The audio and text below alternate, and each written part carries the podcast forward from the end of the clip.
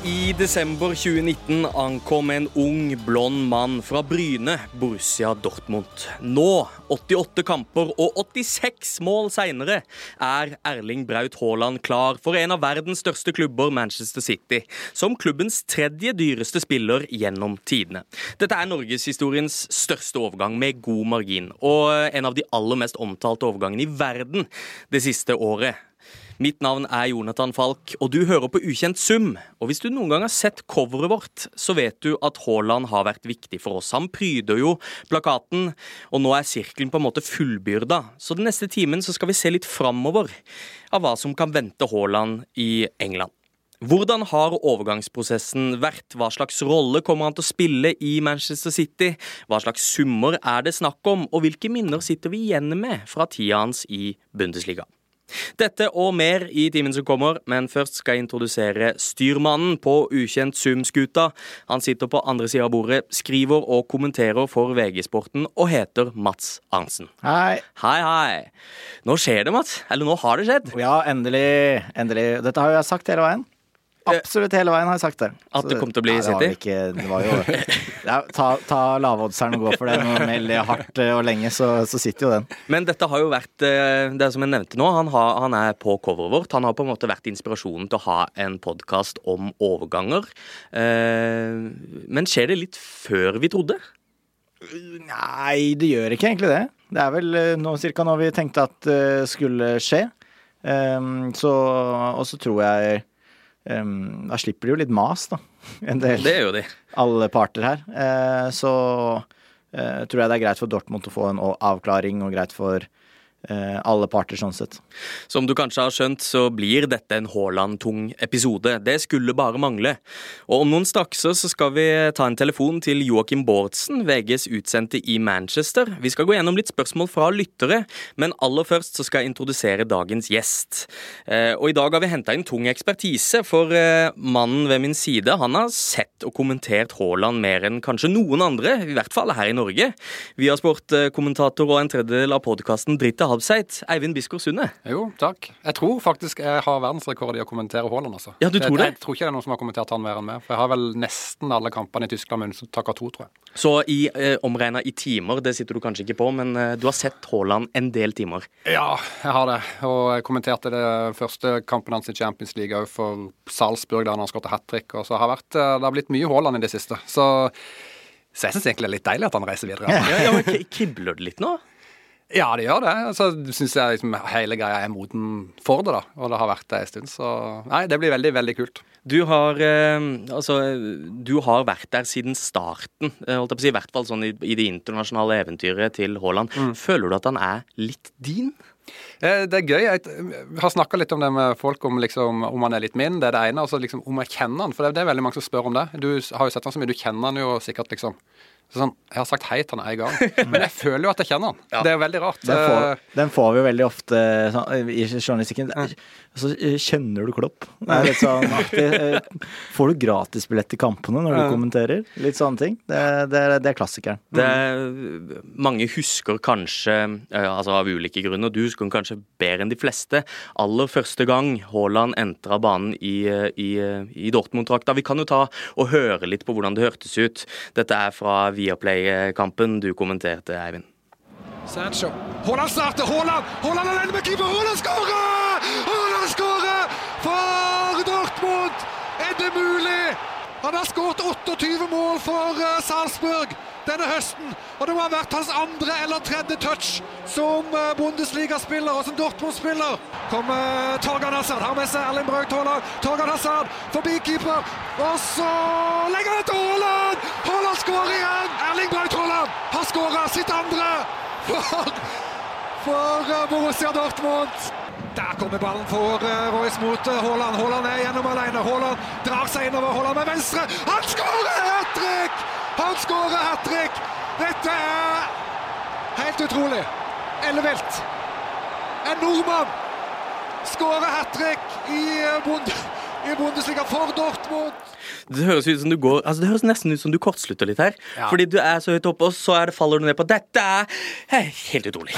Ja, det var Jeg svetter når jeg hører det tilbake, for det er flaut å høre. Jeg liker ikke å høre meg sjøl, men eh, jeg kan stå inne for det. Og så var det jo en veldig spesiell kamp, da. Jeg husker den dagen veldig, veldig godt. Eh, han. Satt, ja, Han satt jo på benken. Eh, De lå jo under, var det 1-3? 1-3. Og så snudde han det alene, og Så skårte jeg til hvor det er 5-3. Stemmer det? Ja, ble, det ble jo 5-3, vel. Eh, og det er sånn to øyeblikk som jeg har på en måte sagt til kjæresten min og sånn, at liksom Livet mitt forandra seg når det skjedde ting med Holland. da. Det ene er jo da i jula når han skriver under for, for Dortmund. Da hørte jeg at han hadde skrevet under, så sa jeg nå kommer det til å bli litt opplegg her. Og da tror jeg ikke hun så meg resten av den dagen, for jeg ringte telefonen hele tida. Og så er det den kampen der som som jeg merka hvor stor um, han, han har en sånn tiltrekningskraft, da, som, og, og det at han leverte med en gang, gjorde jo at uh, Jeg har vært i Tyskland noen ganger og kommentert, og du, du er bare en sånn fyr som går i veien for alle de andre tyske pressefolkene. Men med en gang det der skjedde, så snudde de seg på en måte mot oss, da.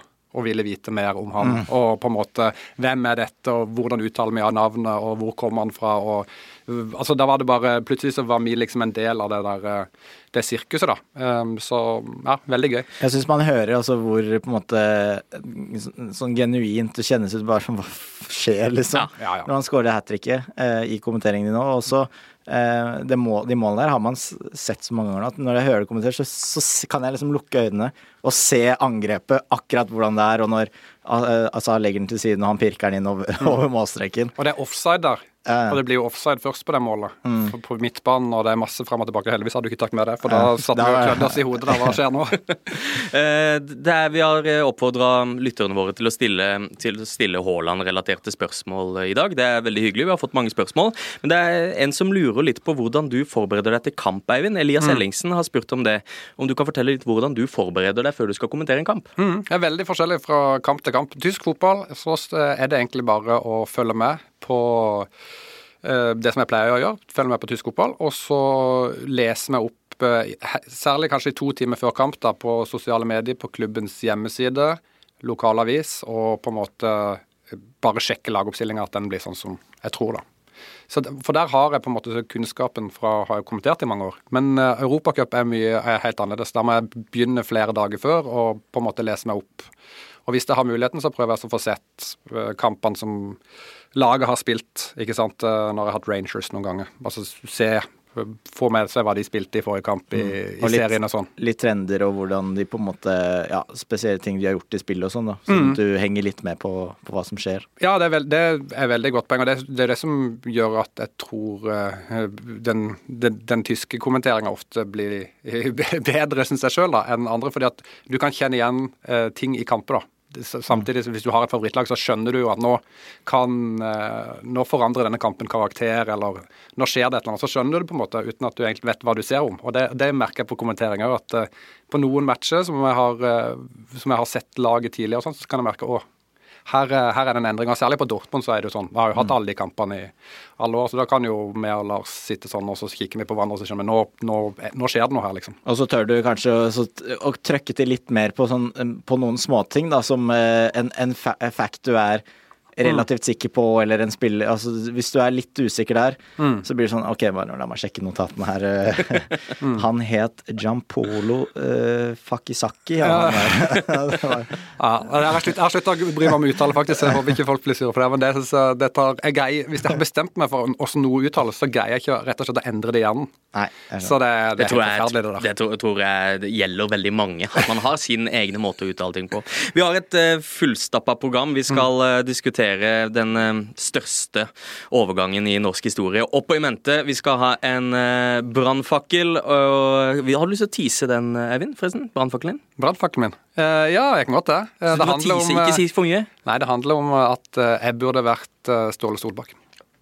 Ikke sant. Vi skal også høre fra eh, VGs eh, Joakim Bårdsen. Han er i Manchester, så heng med.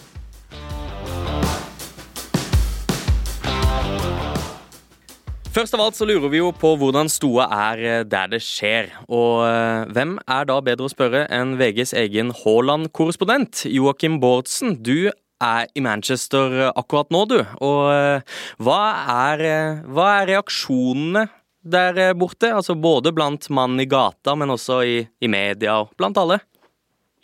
I den lyseblå delen av Manchester så er det jo unison glede og en følelse av eufori. Jeg var utenfor Etihad Stadium i går og prata med noen supportere og reportere fra engelske medier, og de er jo ekstremt spente på hva Erling Braut Haaland vil eh, tilføre ikke bare Manchester City, men Premier League med ferdigheten hans og stjernestatusen hans, eh, ikke minst. Og Dette er noe vi har venta på lenge, og, og, det sies jo nå at, at Haaland gjennomførte en medisinsk test allerede mandag. Eh, hvordan gikk, eh, Vet vi noe om hvordan det gikk til? Ifølge belgiske medier så dro Haaland til Brussel eh, i bydelen Anderlecht. Og Vincent Company, Manchester City-legenden, skal ha bidratt til det. Og så skal Haaland ha blitt møtt av en lege fra Manchester City der. Og så gjennomført den medisinske testen. og den eh, skal ha gått veldig bra, og, og, det har jo bidratt til at Manchester City nå kunne offentliggjøre enigheten med Dortmund. og Så er det bare et par formelle detaljer som skulle på plass før alt var 100% klart. Det har vært eh, mye fram og tilbake, sikkert også en del tall som skal være riktige. Hva, hva vet vi om hvordan kontrakten til Haaland ser ut nå? Det har vært ekstremt eh, mange spekulasjoner der. Eh, jeg vet at eh, Haaland-leiren ikke er særlig glad i å snakke om penger. Tyske Bild var jo tidlig ute og hevda at han kom til å få rundt syv millioner kroner i uka, og at det skulle være noen vanvittige honorarer til både Alfie Haaland og nå dessverre nylig avdøde Mino Raiola på mange hundre millioner kroner hver. men Ifølge overgangsjournalisten Fabrizio Romano, som jo pleier å ha gode kilder, så blir han eh, best betalt i Manchester City sammen med Kevin De Bruyne på en ukelønn som utgjør rundt 4,5 millioner kroner. Så det kommer jo en del eh, sponsoravtaler i tillegg, og gjerne prestasjonsretta bonuser og den type ting. Så jeg tror eh, fremtida økonomisk sett er, er sikra for Erling Braut Haaland, for å si det mildt. Så det er ingen i Haaland-klanen som trenger å jobbe noe særlig i framtida, altså. Men uh, du, du, nevnte at de ikke er så glad i å snakke om tall, kanskje forståelig det. Men vet vi noe om hvordan stemninga er i Haaland-leiren generelt? Jeg uh, kan bare anta at uh, lettelsen er ekstremt stor etter å ha vært involvert i en av fotballhistoriens uh, mest omtalte overgangssaker. Eh, det har jo vært helt vilt med henvendelser selvfølgelig til Alfie Haaland, som er eh, sjefen for eh, teamet og, den som er tettest på sønnen og, koordinerer alt arbeidet som pågår når det gjelder hans karriere. Så har det jo selvfølgelig vært krevende, tror jeg. og ha forhandlinger med, med, verdens største klubber, og, og, samtidig vite at du er nødt til å avslå et tilbud eh, fra f.eks. Real Madrid. Det, det, er ikke mange forunt å få den sjansen å, å, spille for en klubb som det.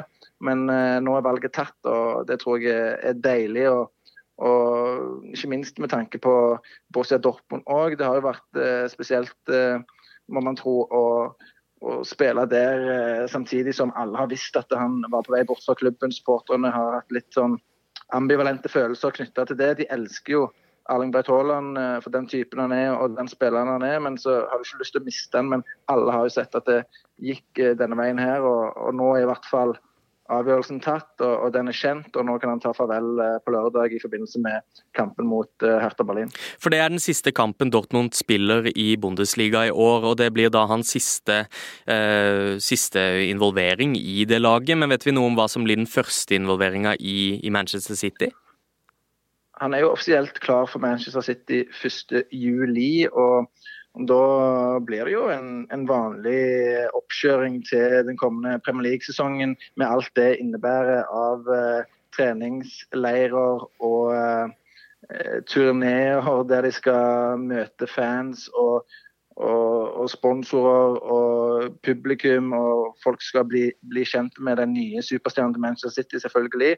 Så vet jeg at uh, Erling Braut Haaland kommer til å tenke først og fremst på at han har lyst til å komme godt i gang sportslig, bli kjent med sine nye lagkamerater, skape relasjoner til de på banen, til Pep Guardiola. Forstå hvordan Guardiola ønsker at han skal spille, bevege seg. Uh, noe Eh, de eh, allerede har snakket om, eh, som man tror, så er det jo viktig, selv om man allerede har prestert ekstremt de siste årene, så, så er man egentlig aldri bedre enn den siste matchen man har spilt. Så det kommer til å være ekstremt store forventninger og krav til Erling Braut Haaland, men han har skallen til å takle det. Helt til slutt så eh, kan man jo forvente at når en spiss av den størrelsen signeres til en klubb som City, så er det et, et eh, hellig nummer som venter. Det er jo som, som regel nieren som går til disse spissene, men eh, i City så er det nummeret eh, tatt. Eh, vet vi noe om hva han skal ha på ryggen? Jeg tror det blir nummer ni. Det er nummer som Gabriel Jesus, som du er inne på, akkurat nå har i Manchester City og har hatt de siste årene. men uh, Ifølge de siste rapportene så er det uh, et sterkt ønske for Arsenal om å hente Gabriel Jesus. og Muligheten har ikke blitt mindre av at Erling Braut Haaland har kommet til City. og Jesus har eh, kun ett, ett år igjen av kontrakten. og City har muligheten til å innkassere en solid sum for en mann som har eh, putta rundt 90 mål på 235 kamper eller noe sånt. Så det er jo klart en, en brasiliansk landslagsspiller er, er salgbar med ett år igjen av kontrakten. og Det vil jo òg eh, frigjøre nummeret til Haaland. og jeg hadde ikke blitt veldig overraska om Haaland allerede har fått beskjed om at det, det kommer til å bli tilfellet. Tusen takk, eh, Joakim, VGs mann i eh, Manchester. Du kommer til å fortsette å jakte siste Haaland-nytt, så bare heng med på vg.no og, og, få med deg løpende oppdateringer der. Men vi har fått et spørsmål her, gutter. Fordi Fredrik Bjelland Østrått han lurer rett og slett på det store spørsmålet har Haaland valgt rett klubb. Mm. Er det noen som vil ta den først? Eh, det tror jeg. Sportslig og altså det er eh, det er som et sånt Haaland-formet hull som han bare går inn i. Hva heter det der Ylvis-programmet? ja, Hvor de skulle hoppe gjennom sånn klosser og sånn? Ja, ja, det er det Haaland gjør nå, og det hullet passer ham perfekt. Eh, så det, det, har jeg kjempetro på. Og Manchester City savner jo da De savner både sportslig og utenomsportslig. Alt så savner de en sånn ordentlig nier, en, en skikkelig stjerne på topp som kan være fort forskjellen på Én eh, ting er jo ligaen, hvor Manchester City stort sett vinner fordi de er det beste laget over tid. Ehm, men så er det de tette Champions League-kampene hvor, eh, hvor, man kanskje trenger da at den første kampen mot Real Madrid drepes, eller at de tar de overgangsmulighetene de får etter at de har tatt ledelsen mot eh, Real Madrid i andre kampen også. Mm. Um, og sportslig også tror jeg en mann som vet å bevege seg innenfor boksen, skal klare å um, få et hardt innlegg fra Cancelo eller Phil Foden eller hvem det er nå som, som smekker den inn foran goalen der. Sam Lee i The Athletic kaller dette altså Han sier jo rett ut at det er den største overgangen til Premier League noensinne. Mm. Um, hvordan stiller vi oss her? Og, og, Oi, noensinne, ja. Ja, ja. Den er frekk.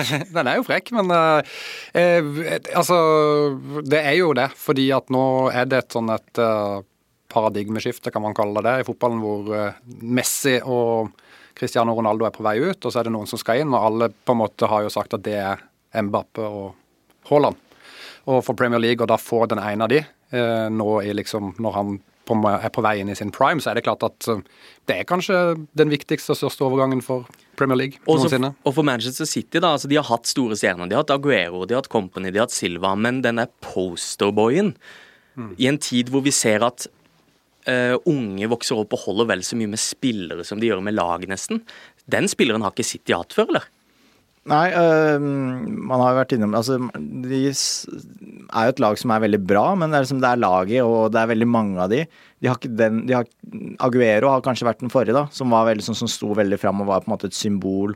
De hadde, Det var jo den ene årgangen der da de vant, med Aguero, Yaya Torre, David Silva, Vincent Company, syns jeg jo på en måte var veldig sånn profiltungt. Mm. da, At der var det noen veldig markante som bar laget. Eh, Men etter at Pep har kommet inn, så er det jo det rulleringssystemet som også blir Det blir jo en annen ting som blir spennende å se nå, men nå får de den brikken. Og hvis eh, eh, Ken Vasenius Nilsen trenger å huske et mesterlag, så kommer han nok til å huske Haaland, da. Ja. Sannsynligvis hvis de vinner neste år. Ja, for han mente det at dette er det gråeste mesterlaget noensinne. Og Ja. hvor han argumenterte eh, for det ved å påpeke at det er liksom Det er, ingen som, det er ikke én spiller som liksom står fram. Så hvis du om 20 år skal huske på det laget, så husker du liksom ikke Laporte og Diaz. Du husker Pep-laget, men enkeltspillerne blir, eh, blir vanskelig å plukke ut. Eh, Men eh, han går jo nå fra et eh, Dortmund som han, eh, som han har bøtta inn mål for, Eivind. Det er nesten til det perverse. Ja. Eh, og man blir jo som fan veldig glad i spillere som skårer mye mål, men nå har det vært lang tid hvor han på en måte ikke har benekta at han skal bort. Det har vært veldig tydelig at han skal videre. Hvordan er forholdet hans til, til den gule veggen nå? Jeg tror den, det er OK. Eh, Det er mitt inntrykk. Og jeg tror det er veldig viktig at dette blir i orden denne uka her. Sånn at de da får tatt farvel til hverandre den siste eh, kampen der. Eh, altså, Det som du må huske med Dortmund og Erling Braut Haaland og den tida han har vært der, er jo at verden har jo på en måte gått til helvete samtidig som han har vært der. Eh, fordi at det ble jo stengt ned, det var ikke publikum eh, og sånne ting. Og han har, jeg tror han har spilt en veldig viktig rolle for eh, Bundesliga. eh, fordi at han har vært en sånn stjerne som har fått folk til å skru på TV-en og se på fotballen, selv om på en måte rammen og de tingene har ikke vært der allikevel. Og for Dortmund-fansen òg, som da ikke har fått gått på stadion, så tror jeg nok at mange er ganske takknemlige for det som har eh, vært da. I de, og de målene han har skåra.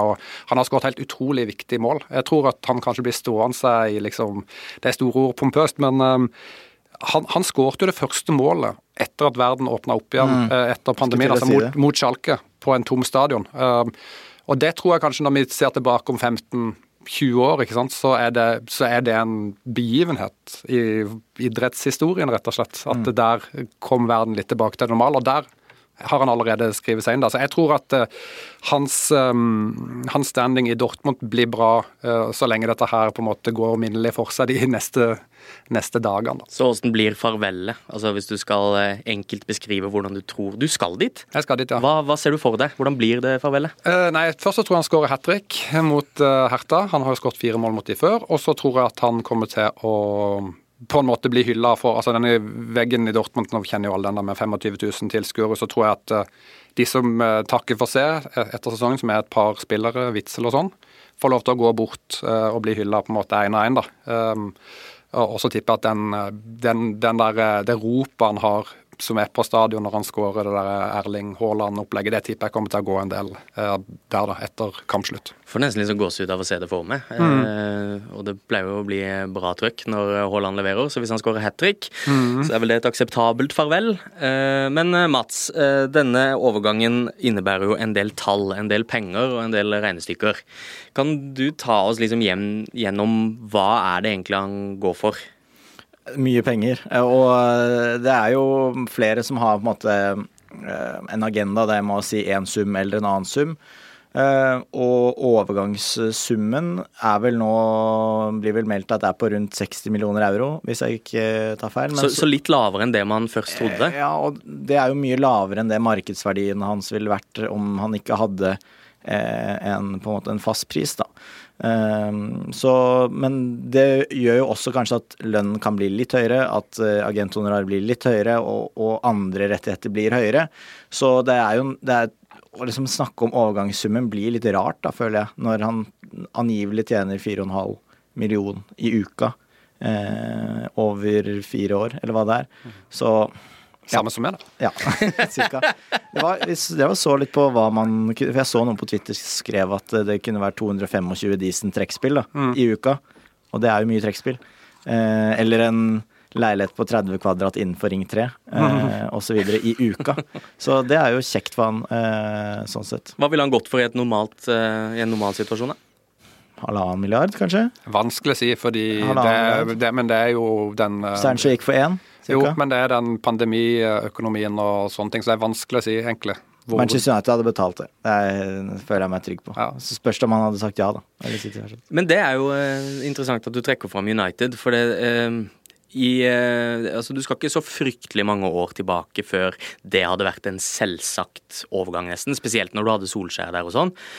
Hvordan tror dere Stoa er der nå, når de ser denne, denne kometen lande? og det tror jeg også at Jeg tror ikke penger har spilt en stor rolle for han i det klubbvalget i det hele tatt. Eh, Det tror jeg ikke, og jeg tror det har, vært, det har handla om sportslige ting og alle andre ting. Eh, og at han har lyst til å vinne og være Altså oppnå mest mulig innenfor fotballen. Da. Og det tror jeg at han tenker at han kan gjøre i Manchester City. Eh, og hvis du sa Manchester United, for eksempel, da, som er et virvar og et kaos uten like. En karrieren er kort, og når du ser at her er ikke ting på stell, da går man ikke dit. Så det har nok ikke vært litt aktuelt engang.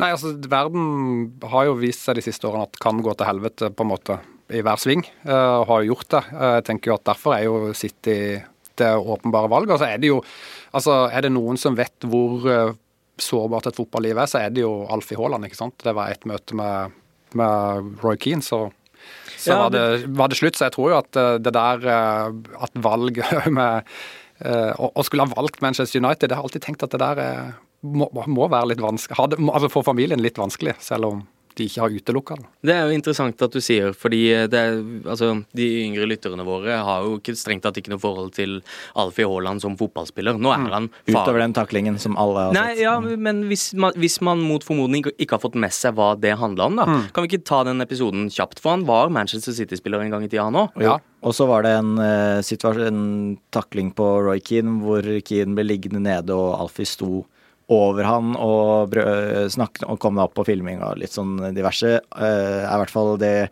unge meg har lest meg opp på. Og så var det da en hevntakling noen år senere, og eh, Keane skrev jo i en selvbiografi at han ga uttrykk for at det var med vilje, og fikk ny suspensjon etter det også. Men så er det jo da om det var det kneet han faktisk takla, eller det andre som gjorde at han faktisk måtte legge opp. da, Der er det jo litt eh, ulike rapporter. men Så det er jo en feide der og, eh, som sitter i fortsatt, egentlig. Eh, Mm. Og Leeds, eh, som faren òg spilte for, er jo erkefiende til United gjennom mange, mange, mange, mange år. Så Så, så sånn har alltid vært i City også, klart. Så sånn sett så var det kanskje Det, det bød han litt imot å signere for eh, to av eh, Altså signere for den erkerivalen til to av favorittlagene hans. ja, jeg tenker jo det. At det liksom Ja. eh, Jeg, altså, var litt, eh, litt enig i det du sa. Jeg tror ikke, fot, jeg tror ikke penger betyr eh, all verdens for, eh, for de. For jeg tror at eh, nå er de på et sånt nivå at pengene er jo sikra uansett. Altså Det er jo bare små, små forskjeller fra det ene til det andre. Så det er jo det sportslige hva du kan få der du kommer, og hvilken rolle du får i laget, og hva du blir forespeila, på en måte. Så han Guim Balaguer, er det ikke den heter? Som er en sånn spansk uh, pressefyr. Uh,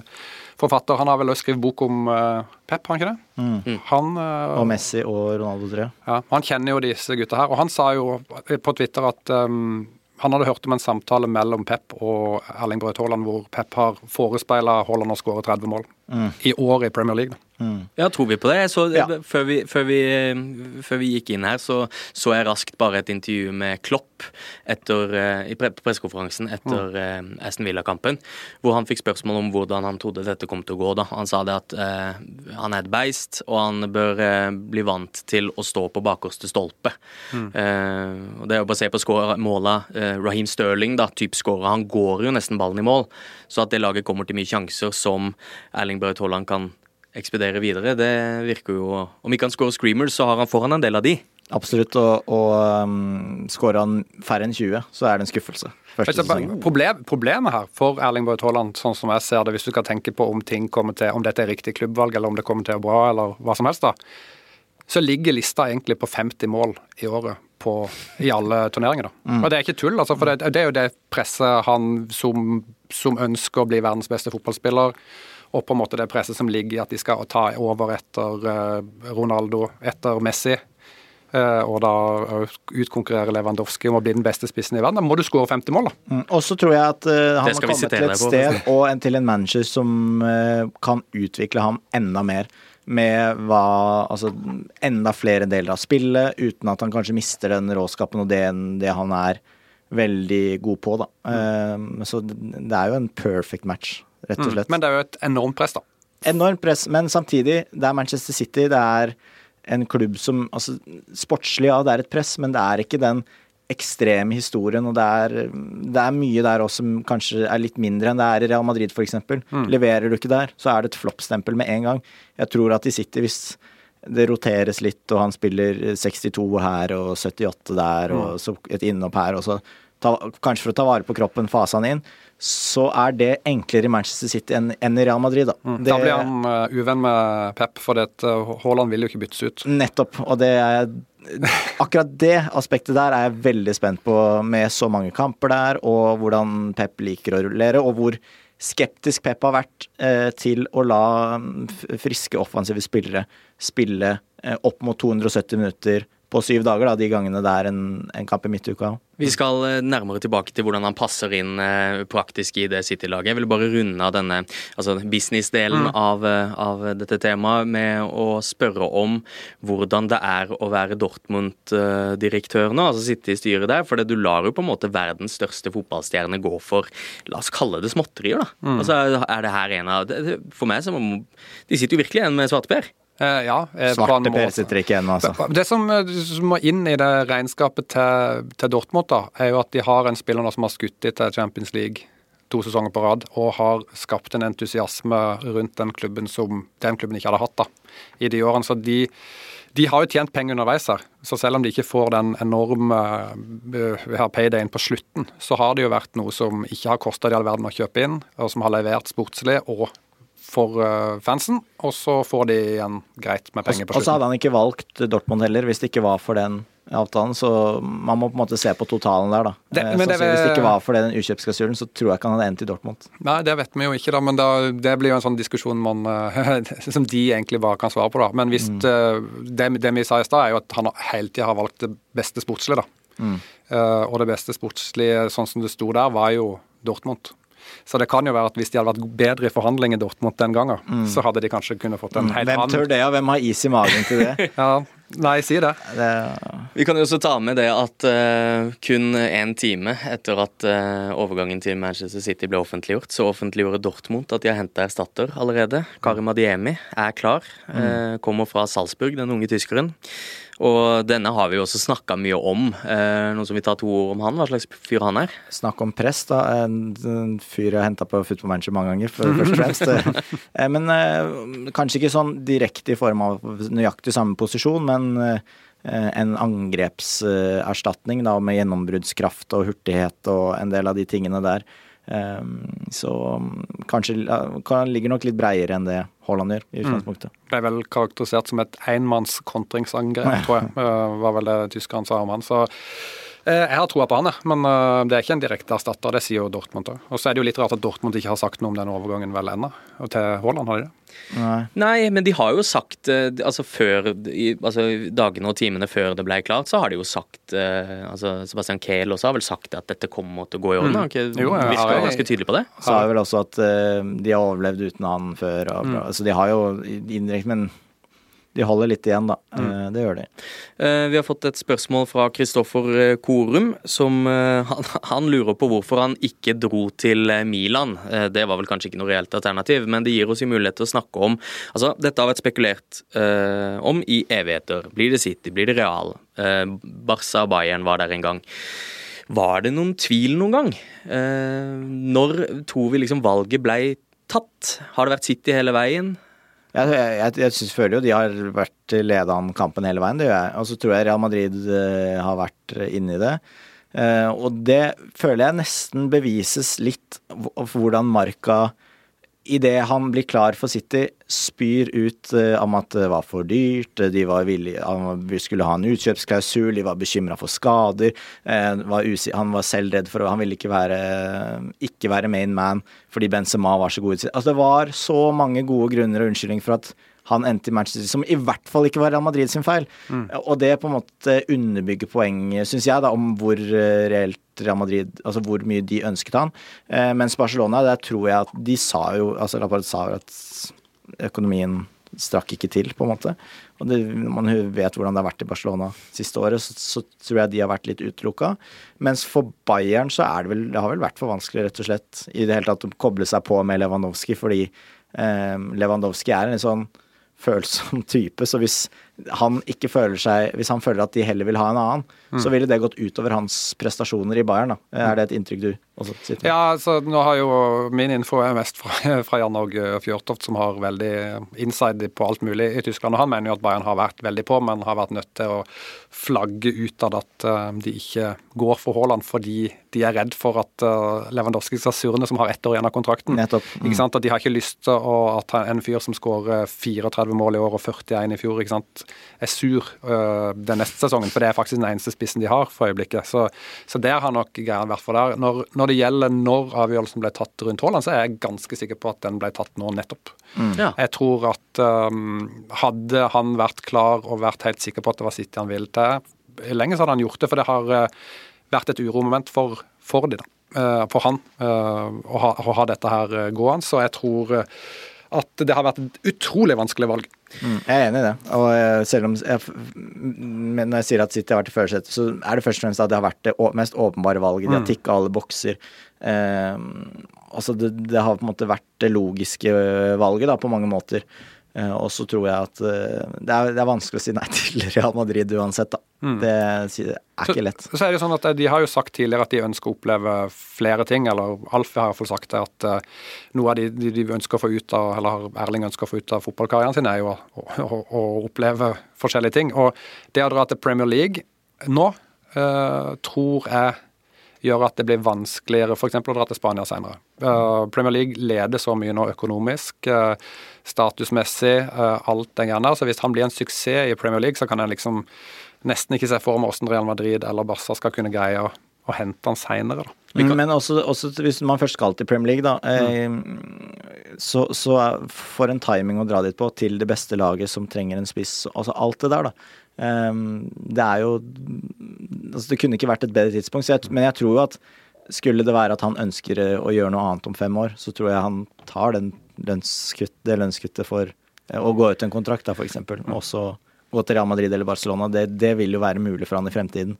Hvis de får ting på beina og sånn. Så får vi se hvordan verden utvikler seg, og hvordan økonomien utvikler seg, og om det her spranget. Og om vi i det hele tatt har spansk og engelsk liga om fem år. Det er jo ikke sikkert, det heller. Det er ikke det. Det er en, en god eh, kollega og venn av deg, Eivind, var her en gang eh, og sa eh, som sin brannfakkel at eh, han skulle ønske at Superleague bare gikk igjennom. Så kan disse store klubbene bare eh, holde på for seg sjøl. Og så kan vi andre på en måte få eh, i gåseøynene den eh, ekte fotballen i fred. Altså, jeg snakker jo da om Asbjørn Slettemark. Ja. Eh, Det var hans brannfakkel.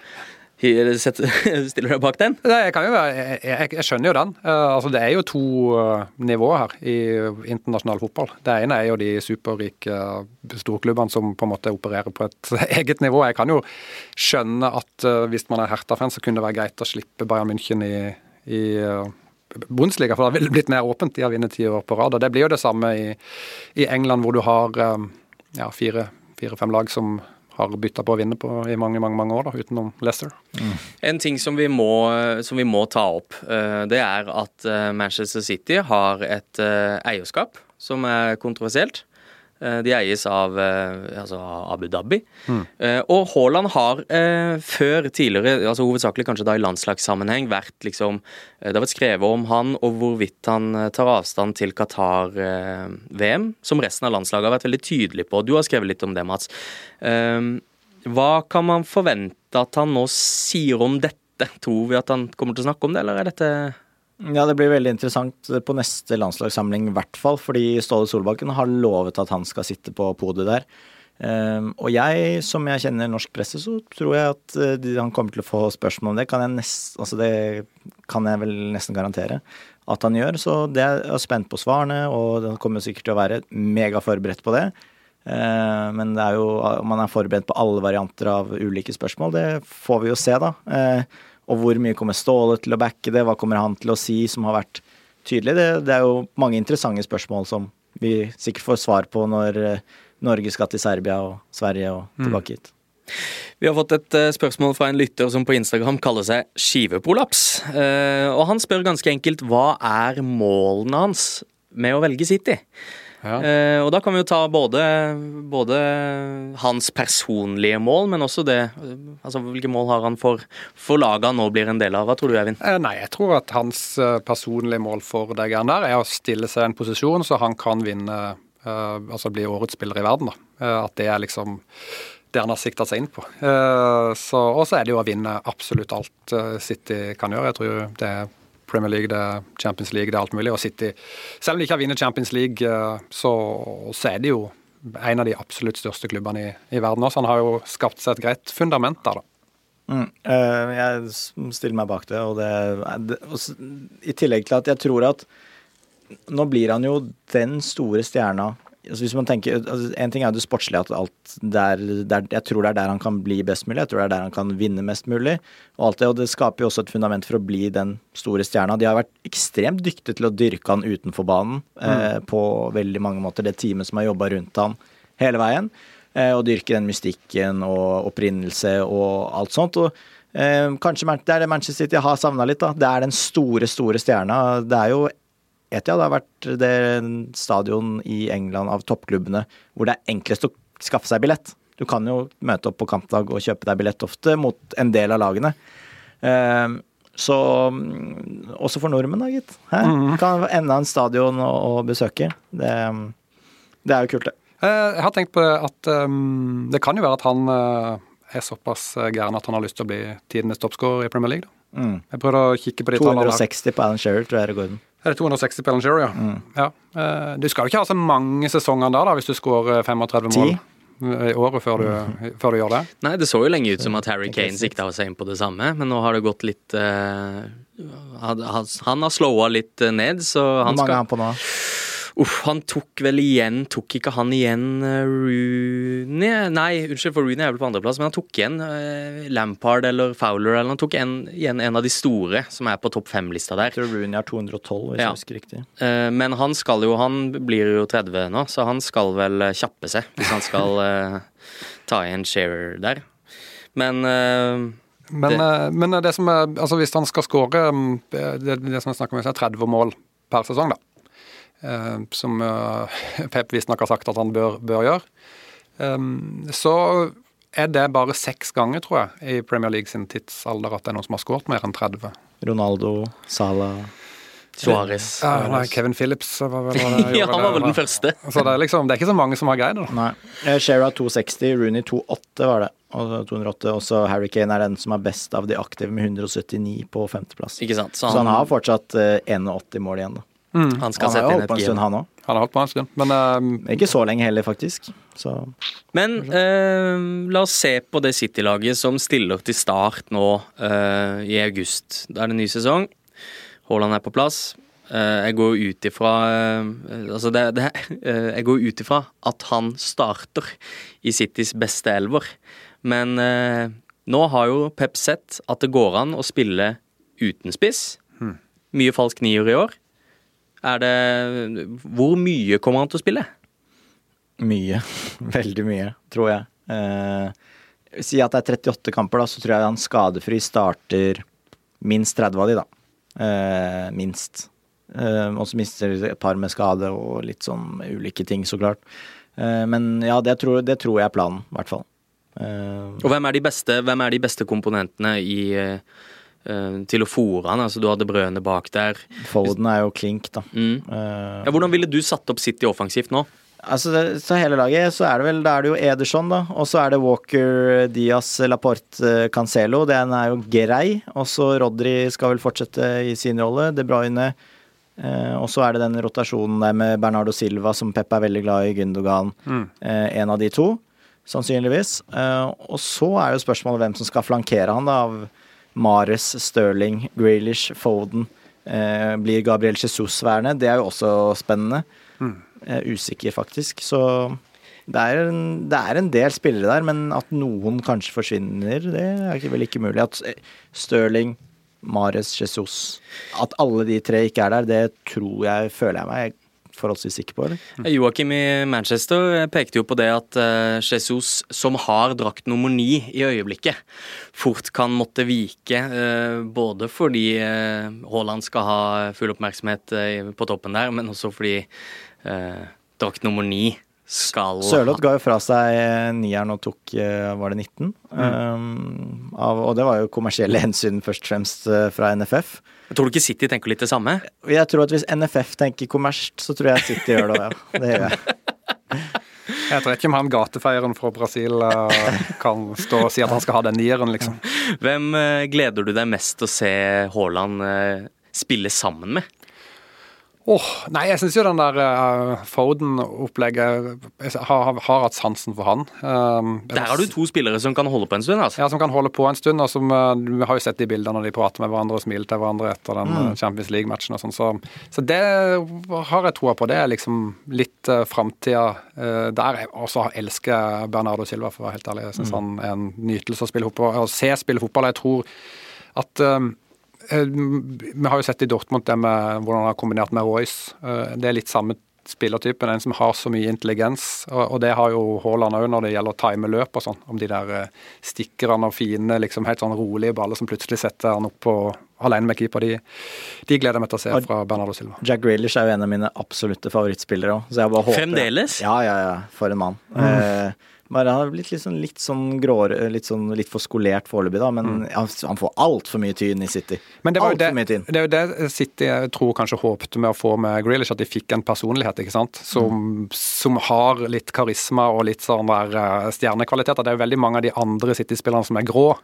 Og nå får de jo inn en på topp som på en måte kan som de kan samles om, da, og kan eh, Men- lede an litt. Jeg tror vel eh, det som kom med stjernegreiene til Altså, husk at uh, Grealish er en stjerne fra Birmingham, og Haaland er en stjerne fra Bryne. Og det er noen uvaner som følger med ved å være en stjerne i Birmingham. Det tror jeg man kan si da, og det har vel Pep også sagt, at han må, må leve som eh, som en eh, Altså, du må leve fotballspillerlivet, liksom. Og det, det, det betyr da ikke bylivet, men det proffe 2022 hverdagsliv, Og der er jo Haaland vist seg å være ekstremt dyktig, da. Og Der eh, må vi også eh, anbefale å gå inn og lese VGs Haaland-spesial, som Joakim, som vi hørte fra i stad, har, har skrevet. Hvor han eh, går gjennom Haalands utvikling eh, og, og får dokumentert hvor godt han sover, hvor godt han spiser, hvor seriøst Altså, eh, jeg fikk litt inntrykk av eh, Jeg fikk litt Ronaldo-vibber av det. For eh, Ronaldo er jo som kjent eh, en som sitter og terper på, på detaljene. Og det er noen hysteriske intervjuer med Patrice Evra annet, som forteller hvordan det er å være på besøk hos Ronaldo, hvor du får et glass lunka vann og kylling uten krydder. Eh, og så skal vi trene. Eh, og litt samme, samme vibber fikk jeg av, av Haaland da jeg leste det der. Han, har jo, han er annet veldig opptatt av UV og, og, og sånn, av at, eh, at øynene dine ikke skal eh, bli påvirka av mobillys og skjermlys og sånn. Og han har vel de, lysene vi har i studio her nå, de har ikke Haaland hjemme i stua si og på soverommet. Eh, og har briller og litt sånn som er oppe til det. Og så har han også hatt noe sånn mot elektromagnetisk stråling og litt andre litt sånn ting, alternative ting da, som ikke vi andre kanskje er like vant med. Jeg så jo at han eh, Liam Gallagher var veldig fornøyd med Haaland-overgangen. Om han var, var det 18 tweets? 20, 20 000 tweets da, men greia er at jeg får jo håpe at Liam Gallagher ikke leser VG, for jeg tror han blir få litt sånn turnoff av en som eh, må ha riktig lys når han legger seg sånn, Ja, og og- ikke går på byen. Ja, og Han har aldri tenkt på det i hele sitt liv. Nei, det, har, det virker mot sin hensikt, tror jeg, for uh, Liam Gallagher. Og vi hadde jo også en sak i VG på akkurat de tingene, da, med med sånn elektromagnetisk stråling og at det ikke er noen dokumentert effekt og, og litt sånne ting. Men akkurat det sånn som med mobillys og, og sånne ting, det er jo vist seg at det, det virker jo å, å skjerme øynene for, for det når du skal sove. og ehm, jeg husker ikke om det var Mikke Karlsen eller noen i spillerrådet som hadde snakket om at det var en spiller som alltid følte seg sliten og alt sånn. Så gikk jo da Ranheim inn og prøvde å sjekke hva er grunnen her. Nei, du, det er for dårlig luftkvalitet, du sover med for mye støy, alt mulig sånn. Så det, sånne ting har mye å si òg, og de detaljene der er man jo ekstremt god på i 2022 å vite hva som skal til. Så tror jeg Haaland er ganske god til å følge de rådene, for det er nok ikke alle fotballspillere som er. En annen ting som Liam Gallagher kanskje ikke har lest seg så opp på, det er en faktor vi ikke har vært innom ennå, og det er skadehistorikken hans. Det kan jo plutselig bli en faktor, som det har blitt for veldig veldig mange spillere. Haaland har så langt i 2021-2022-sesongen hatt fire skader som har holdt han ute i tre kamper eller mer.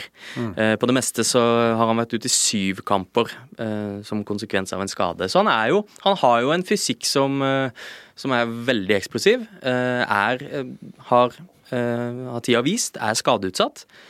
Og det skal ikke mer enn én voldsom skade til for at han plutselig er ute veldig lenge. Nei, nei, det er jo klart. Altså, du kan jo ikke sikre deg om det, om, om mot sånne ville skader som, som faren hans fikk, f.eks. Men det hører jo med til den historien om Haaland nå at han har vært i Dortmund hvor alle har vært skada. Så ja. det er noe der som ikke har fungert, eh, virker det som. da. Altså De har jo hatt eh, et helt, altså de har 12-13 mann ute med skade gjennom hele sesongen. Så jeg tror jo at det å komme til City hvor kanskje akkurat det der er skrudd opp et par hakk, eh, så tror jeg at han kommer til å unngå mye skader. Så er det jo sånn at når du er spiller på det nivået som han er, så er du nødt til å være skadefri en liten periode for at kroppen skal på en måte gå seg helt i gang. Da. og Det er jo det som var problemet denne sesongen, at det har blitt så mye start og stopp. og Da drar du gjerne på deg en ny skade når du kommer tilbake, for du har, ikke sant, du er ikke, kroppen er ikke helt med. Så jeg mm. tror jo en sommer nå, eh, litt rolig. og så eh, er det jo ganske bra første sesong å starte en ny liga med at VM kommer i eh, november-desember. Så det blir jo en veldig intensiv høst i Premier League, og så blir det jo to måneder som man kan da hente seg inn igjen der. Så jeg, jeg tror at timingen der er utmerket. En fin fordel for han, akkurat det òg. Um, ehm, og så er det kanskje det at i Dortmund så må han jo spille. De er Uten han så er ikke det laget det samme, for å si det sånn, hvis man skal si det pent. Uh, og så tror jeg også kanskje at spillestilen til Manchester City ikke er Altså det minsker kanskje risikoen hans litt for skade, for det er ikke så mange av de lange, lange, veldig harde sprintene. Det er ikke så ofte Manchester City De, de dominerer jo ofte på en helt annen måte, da, hvor det er korte ting, korte løp her og der. Men i Dortmund så er det jo pumpe på rett i angrep mm. Eh, og veldig glad i å ta kontringene, da. Og han er ikke vond å be når han ser at bakrommet er stort. Um, så kanskje han får litt færre av de veldig lange sprintene, og det kan hjelpe kroppen litt, da. Skravla går. Eh, mm. Vi har vært gjennom eh, mange av de viktigste punktene. Helt til slutt så vil jeg bare spørre deg, Eivind. Eh, med alt det du har sett av Haaland, hva på, hva er ditt beste Dortmund-minne? Altså med ja. Haaland i fokus, da. Med, med Haaland i Hvis du ikke får lov til å velge debuten hans. Ja, nei, jeg tror Jeg var jo til stede når han banka inn den mot PSG. Det Langskudd hadde to mål. Er det da han inntok stjernehimmelen litt for, for alvor? Det følte jeg at i den kampen der, da følte jeg at da var ja. han blant de store gutta. Mm. Og det er jo litt det der som jeg tenker at uh, Historien kunne faktisk vært ganske annerledes hvis da ikke verden For da stopper jo verden opp etter neste kamp med korona og alt mulig, men da var han jo helt, helt sjukt god. Og uh, det der, uh, den lyden når han banker den i kassa, og det der det, det er vel det som jeg tenker er det største Det er vel det, det han blir huska for, tror jeg. Har du et uh, minne du vil dele, Rasmats? Fra Dortmund? Ja, det er vanskelig å komme utenom den, akkurat den der, da. Uh, det, er den som, det, er helt, det er den som sitter i fra, meg, fra Dortmund. For det var, det var litt sånn Å ja, vi er, vi er der, på en mm. måte. Uh, og vi har sett han løpe riktig og pirke inn mål og starte i bakrom og med, altså med litt sånn Han ser jo keitete ut på et vis, på en måte, men da hamra han liksom Han dræl, drylte, var det han kalte det. Ja. Ballen opp i, i vinkelen fra 20 meter. Og spilte veldig godt mot veldig gode ja. spillere òg. Altså, det var vel var det Marquinhos og Var det var Tiago Silva da? Ja, var vel kanskje. Mm, mm. Dytta de unna, liksom. Og Mbappé var der, og det var liksom Han var, han var den, da. Og så fikk vel PSG hevn, og de også Hvor mye de gikk inn på PSG-spillerne at mm. han feira som han gjorde. Sånn, de gjorde vel en parodi på det da de tok revansj. Det var den yogafeiringa, det. Mm. Eh, da kan jeg dele mitt minne veldig raskt. Det er, eh, det er faktisk under pandemitida hvor det var tomme tribuner, og det var veldig enkelt å høre hva spillerne sa. Hvor mm. han blir forsøkt spilt igjennom av Emre Chan. En pasning som havner i ingenmannsland. Mm hvor Haaland svarer på ekte jærsk 'For faen, Emre!' det er gøy. og det har vi jo sett flere eksempler på, hvor han står ved hjørneflagget og synger. og Han virker jo som en veldig leken fyr. Jeg fikk jo masse meldinger, for han hadde jo et, eh, en sånn hvor han bomma, og så sklei han bak mål og havna inn i nettet, og så sa han 'faen i helvete'. Og så begynte, fikk jeg masse meldinger på telefonen 'banna du på TV', banna du på TV nå', liksom. For da var det så klart inn i lyden at de trodde at det var jeg som hadde liksom, ja, banna. Nei, Det blir uten tvil spennende å følge med eh, når Premier League sparkes i gang i, i august. Da har eh, oksen fra Jæren fått seg en god preseason. Eh, vi skal eh, legge Haaland-kjøret litt til side nå, for eh, jeg har inntrykk av at brannfakkelen din, Eivind, handler om noe litt annet. Ja, litt annet. Så da kan vi eh, steppe over til brannfakkel.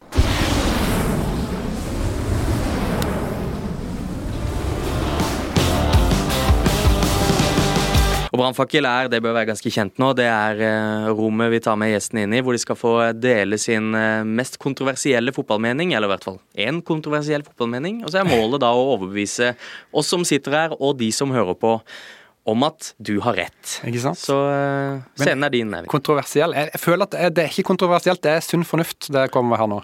Og det er jo at det norske landslaget er jo ganske bra offensivt. Masse fantastiske spillere, men vi sliter i forsvar. Og dermed så mener jeg at uh, Ståle Solbakken nå bør uh, kalle inn Ulrik Saltnes. Idiotisk at han ikke har kalt han inn før, men kall han inn og bruk han som stopper. La han spille stopper på det norske landslaget. Han har spilt indreløp, men han har spilt litt stopper i, i Bodø-Glimt òg. Han begynner å bli såpass oppe i årene nå, Ulrik Saltnes, at han kan godt ta en fire-fem år og sikre et par sluttspill for Norge som stopper. Det er fint at du åpner med å si at dette ikke er kontroversielt, for det, det er Hva syns du, Mats? Nei, nei, her er jeg ikke imponert i det hele tatt. Men jeg liker jo å ta på en måte ikke parti med gjestens brannfakkel. Rett og slett for å se hva du har å komme med. Men jeg, synes, jeg, jeg er usikker på altså Ulrik Saltnes er jo en veldig rollespiller da, i 4-3-3 og innløper. og så um, Veldig god i lufta. Og så er jeg spent på liksom, om han er helt Han har ikke sett like frisk ut etter den skaden òg, så ja, Mener du at han kan på en måte redeeme seg sjøl ved å gå inn i en stopper? Eh treer?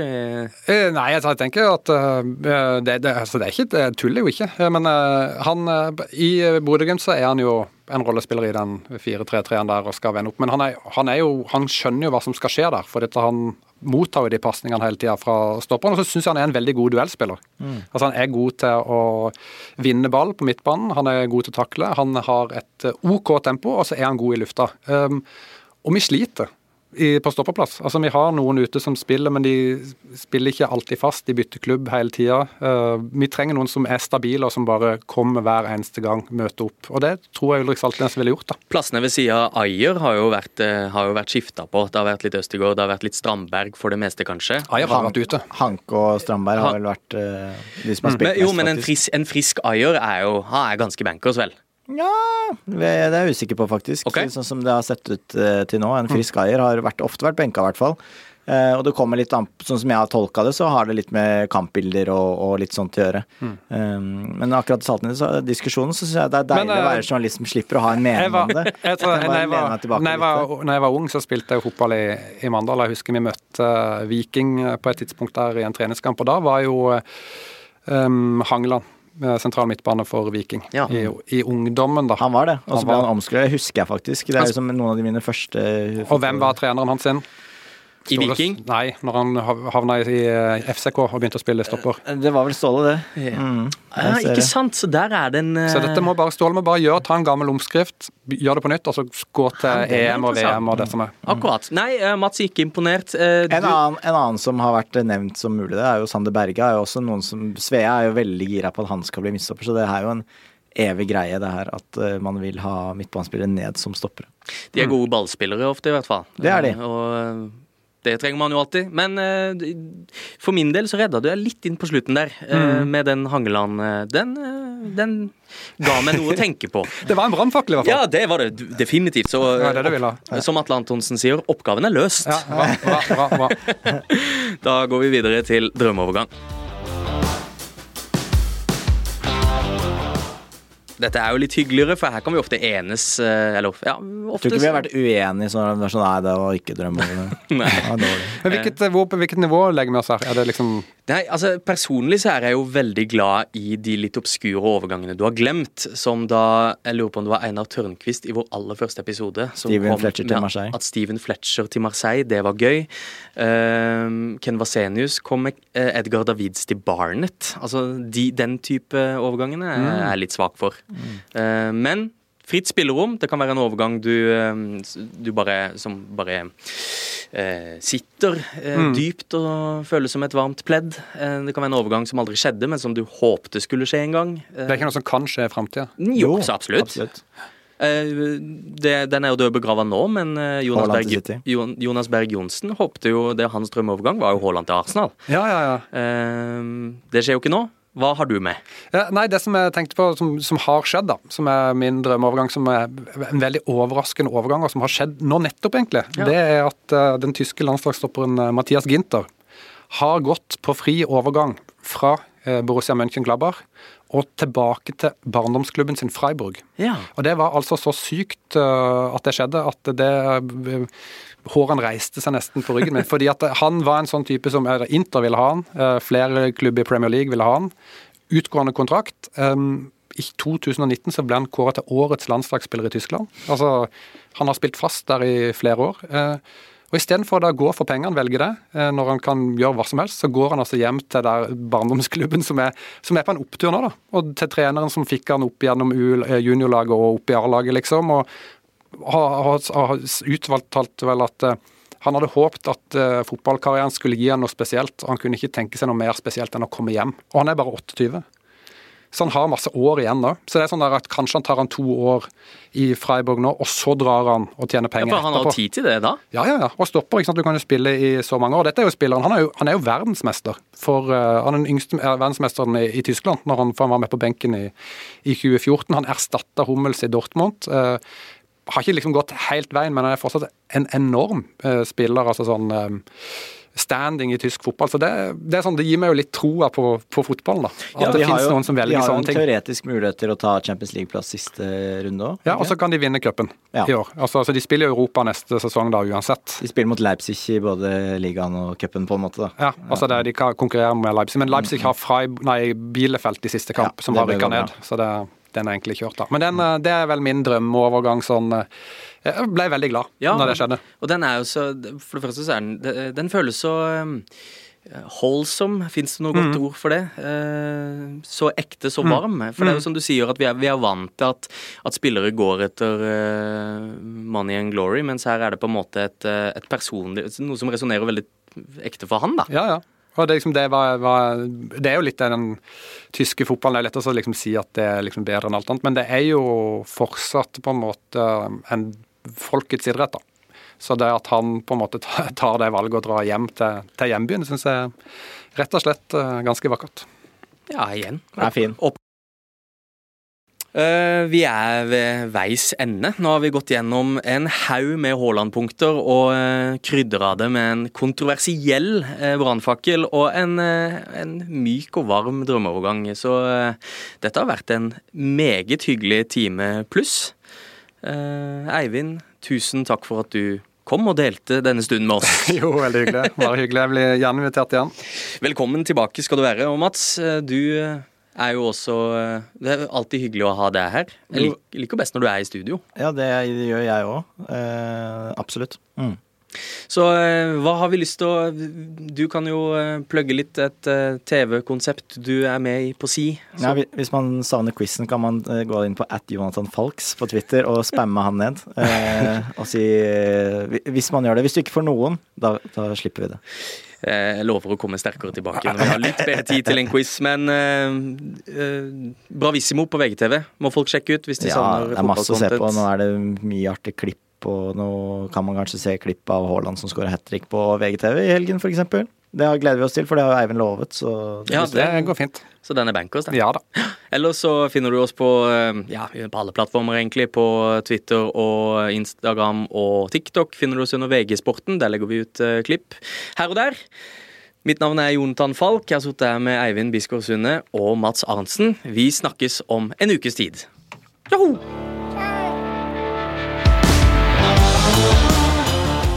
Du har hørt en podkast fra VG. Ansvarlig redaktør, Gard Steiro.